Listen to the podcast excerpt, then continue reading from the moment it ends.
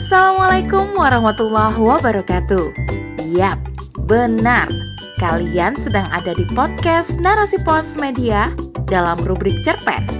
Bersama saya Dewi Nasja, kali ini berjudul Doakan dan Ingatkan Aku Sayang oleh Fariha. Sejak tadi pagi, Andi terlihat sibuk dengan ponselnya. Sejak kepulangannya dari dua kota suci, tiga hari yang lalu, Andi masih belum masuk kerja, sehingga banyak yang menghubunginya terutama dari kantor. Ada info apa, Bi? Tanya Ita, istri Andi. Besok Senin ada tugas luar kota.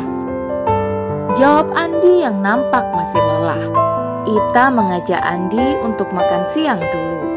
Di meja makan sudah tersedia makanan kesukaan Andi.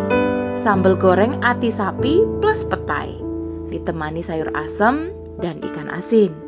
Sedangkan untuk anak-anak sengaja dibuatkan semur ati sapi. Anak-anak di mana? Andi baru tersadar, sedari tadi tidak terdengar suara mereka. Anak-anak baru saja tidur. Sudah disiapkan pakaian dan barang-barang lain untuk berangkat besok? Insya Allah sudah, Bi. Paling nanti dicek lagi. Khawatir ada yang tertinggal. Alhamdulillah pakaian yang akan dibawa sudah lengkap, Mi. Cuma nanti jangan lupa charge masukkan ke tas. Sambil Andi bersiap untuk menidurkan Yusuf dan Hani. Biasanya jika hendak keluar kota, Andi memberikan wejangan pada kedua anaknya. Andi bekerja di sebuah perusahaan lembaga sosial sejak dari sebelum menikah. Dalam sebulan, ada saja tugas keluar kota. Bagi Ita, menjadi hal yang biasa ditinggal pergi. Pernah ditinggal saat hamil muda, hamil tua, saat hampir melahirkan, saat baru seminggu lahiran, dan yang paling sedih adalah saat Ita dan Yusuf anak pertamanya sakit. Alhamdulillahnya, biasanya tidak lama hanya dua hari. Segala kebutuhan pun sudah tersedia sebelum Andi berangkat keluar kota. Ita merebahkan badannya ke kasur setelah seharian mengurus rumah dan menemani anak-anak bermain. Sebelum tidur, Ita biasa mengecek ponsel untuk memasang alarm dan mengecek notifikasi. Khawatir ada info penting. Begitulah seorang ibu, jarang membuka ponsel atau kadang ponsel hilang tiba-tiba karena jatuh atau dimainkan anak-anak. Saat Ita membuka tiap notifikasi, ada sebuah notifikasi di laman FB-nya. Selamat ngedate, senangnya bisa bertugas ke Yogyakarta. Salam deh sama Santi. Astagfirullah. Ita mengelus dada saat membaca komentar salah satu teman wanita Andi di kantor. Merespon status Andi yang menuliskan, siap berangkat ke Yogyakarta besok, bismillah. Ita menutup ponselnya dengan wajah kesal. Komentar itu hanya membuat hatinya bergemuruh. Rasa kantuknya hilang seketika. Namun, Ita tetap mencoba untuk memejamkan matanya, berharap mimpi indah melupakan sejenak hal itu. Terdengar suara taksi sudah berada di depan rumah. Hati-hati Abi, ucap Ita penuh makna. Sambil berdoa di dalam hati, agar Allah menjaga suaminya dari segala mara bahaya dan perbuatan maksiat. Memiliki suami yang bekerja di sebuah perusahaan umum membutuhkan kesabaran yang luar biasa.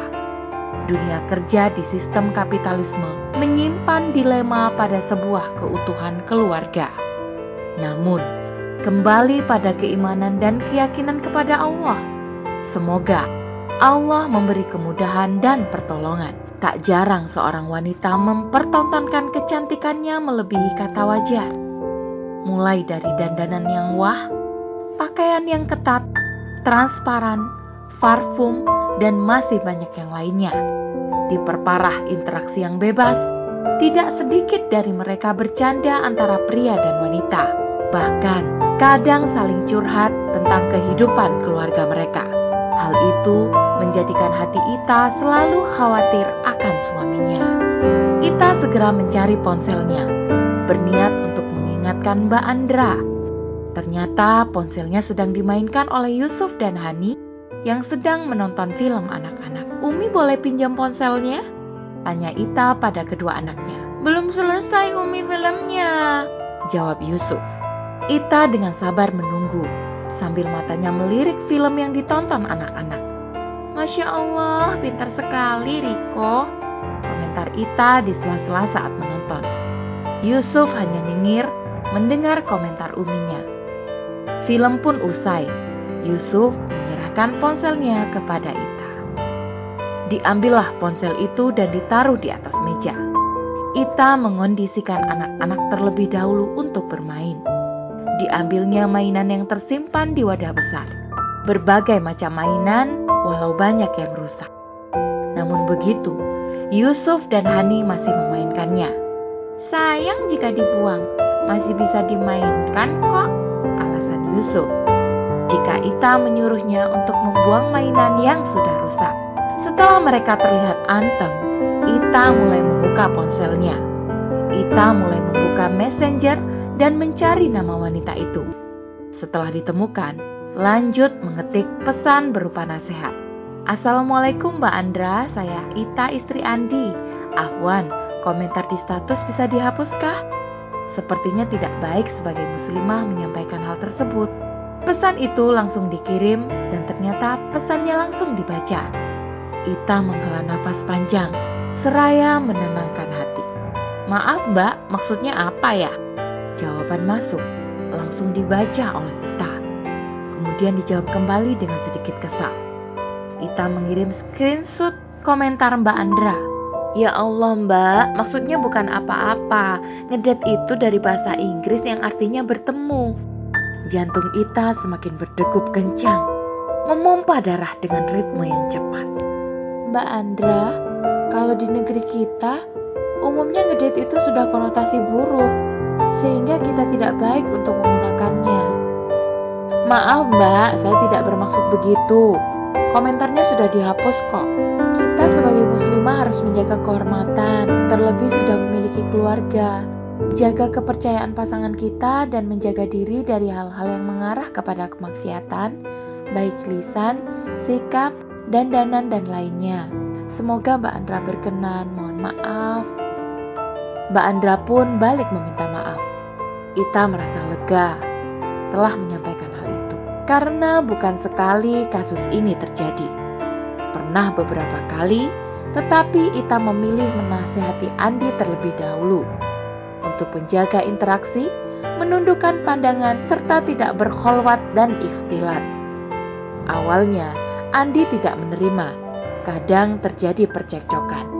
Namun, seiring berjalannya waktu, Ita dan Andi semakin dewasa untuk menyikapi segala masalah.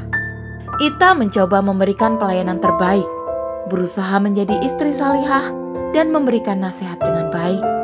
Andi pun mencoba memperbaiki diri dan berusaha menjadi imam bagi istri dan anak-anaknya.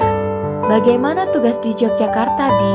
Tanya Ita saat mereka sedang duduk santai selepas selesai makan malam.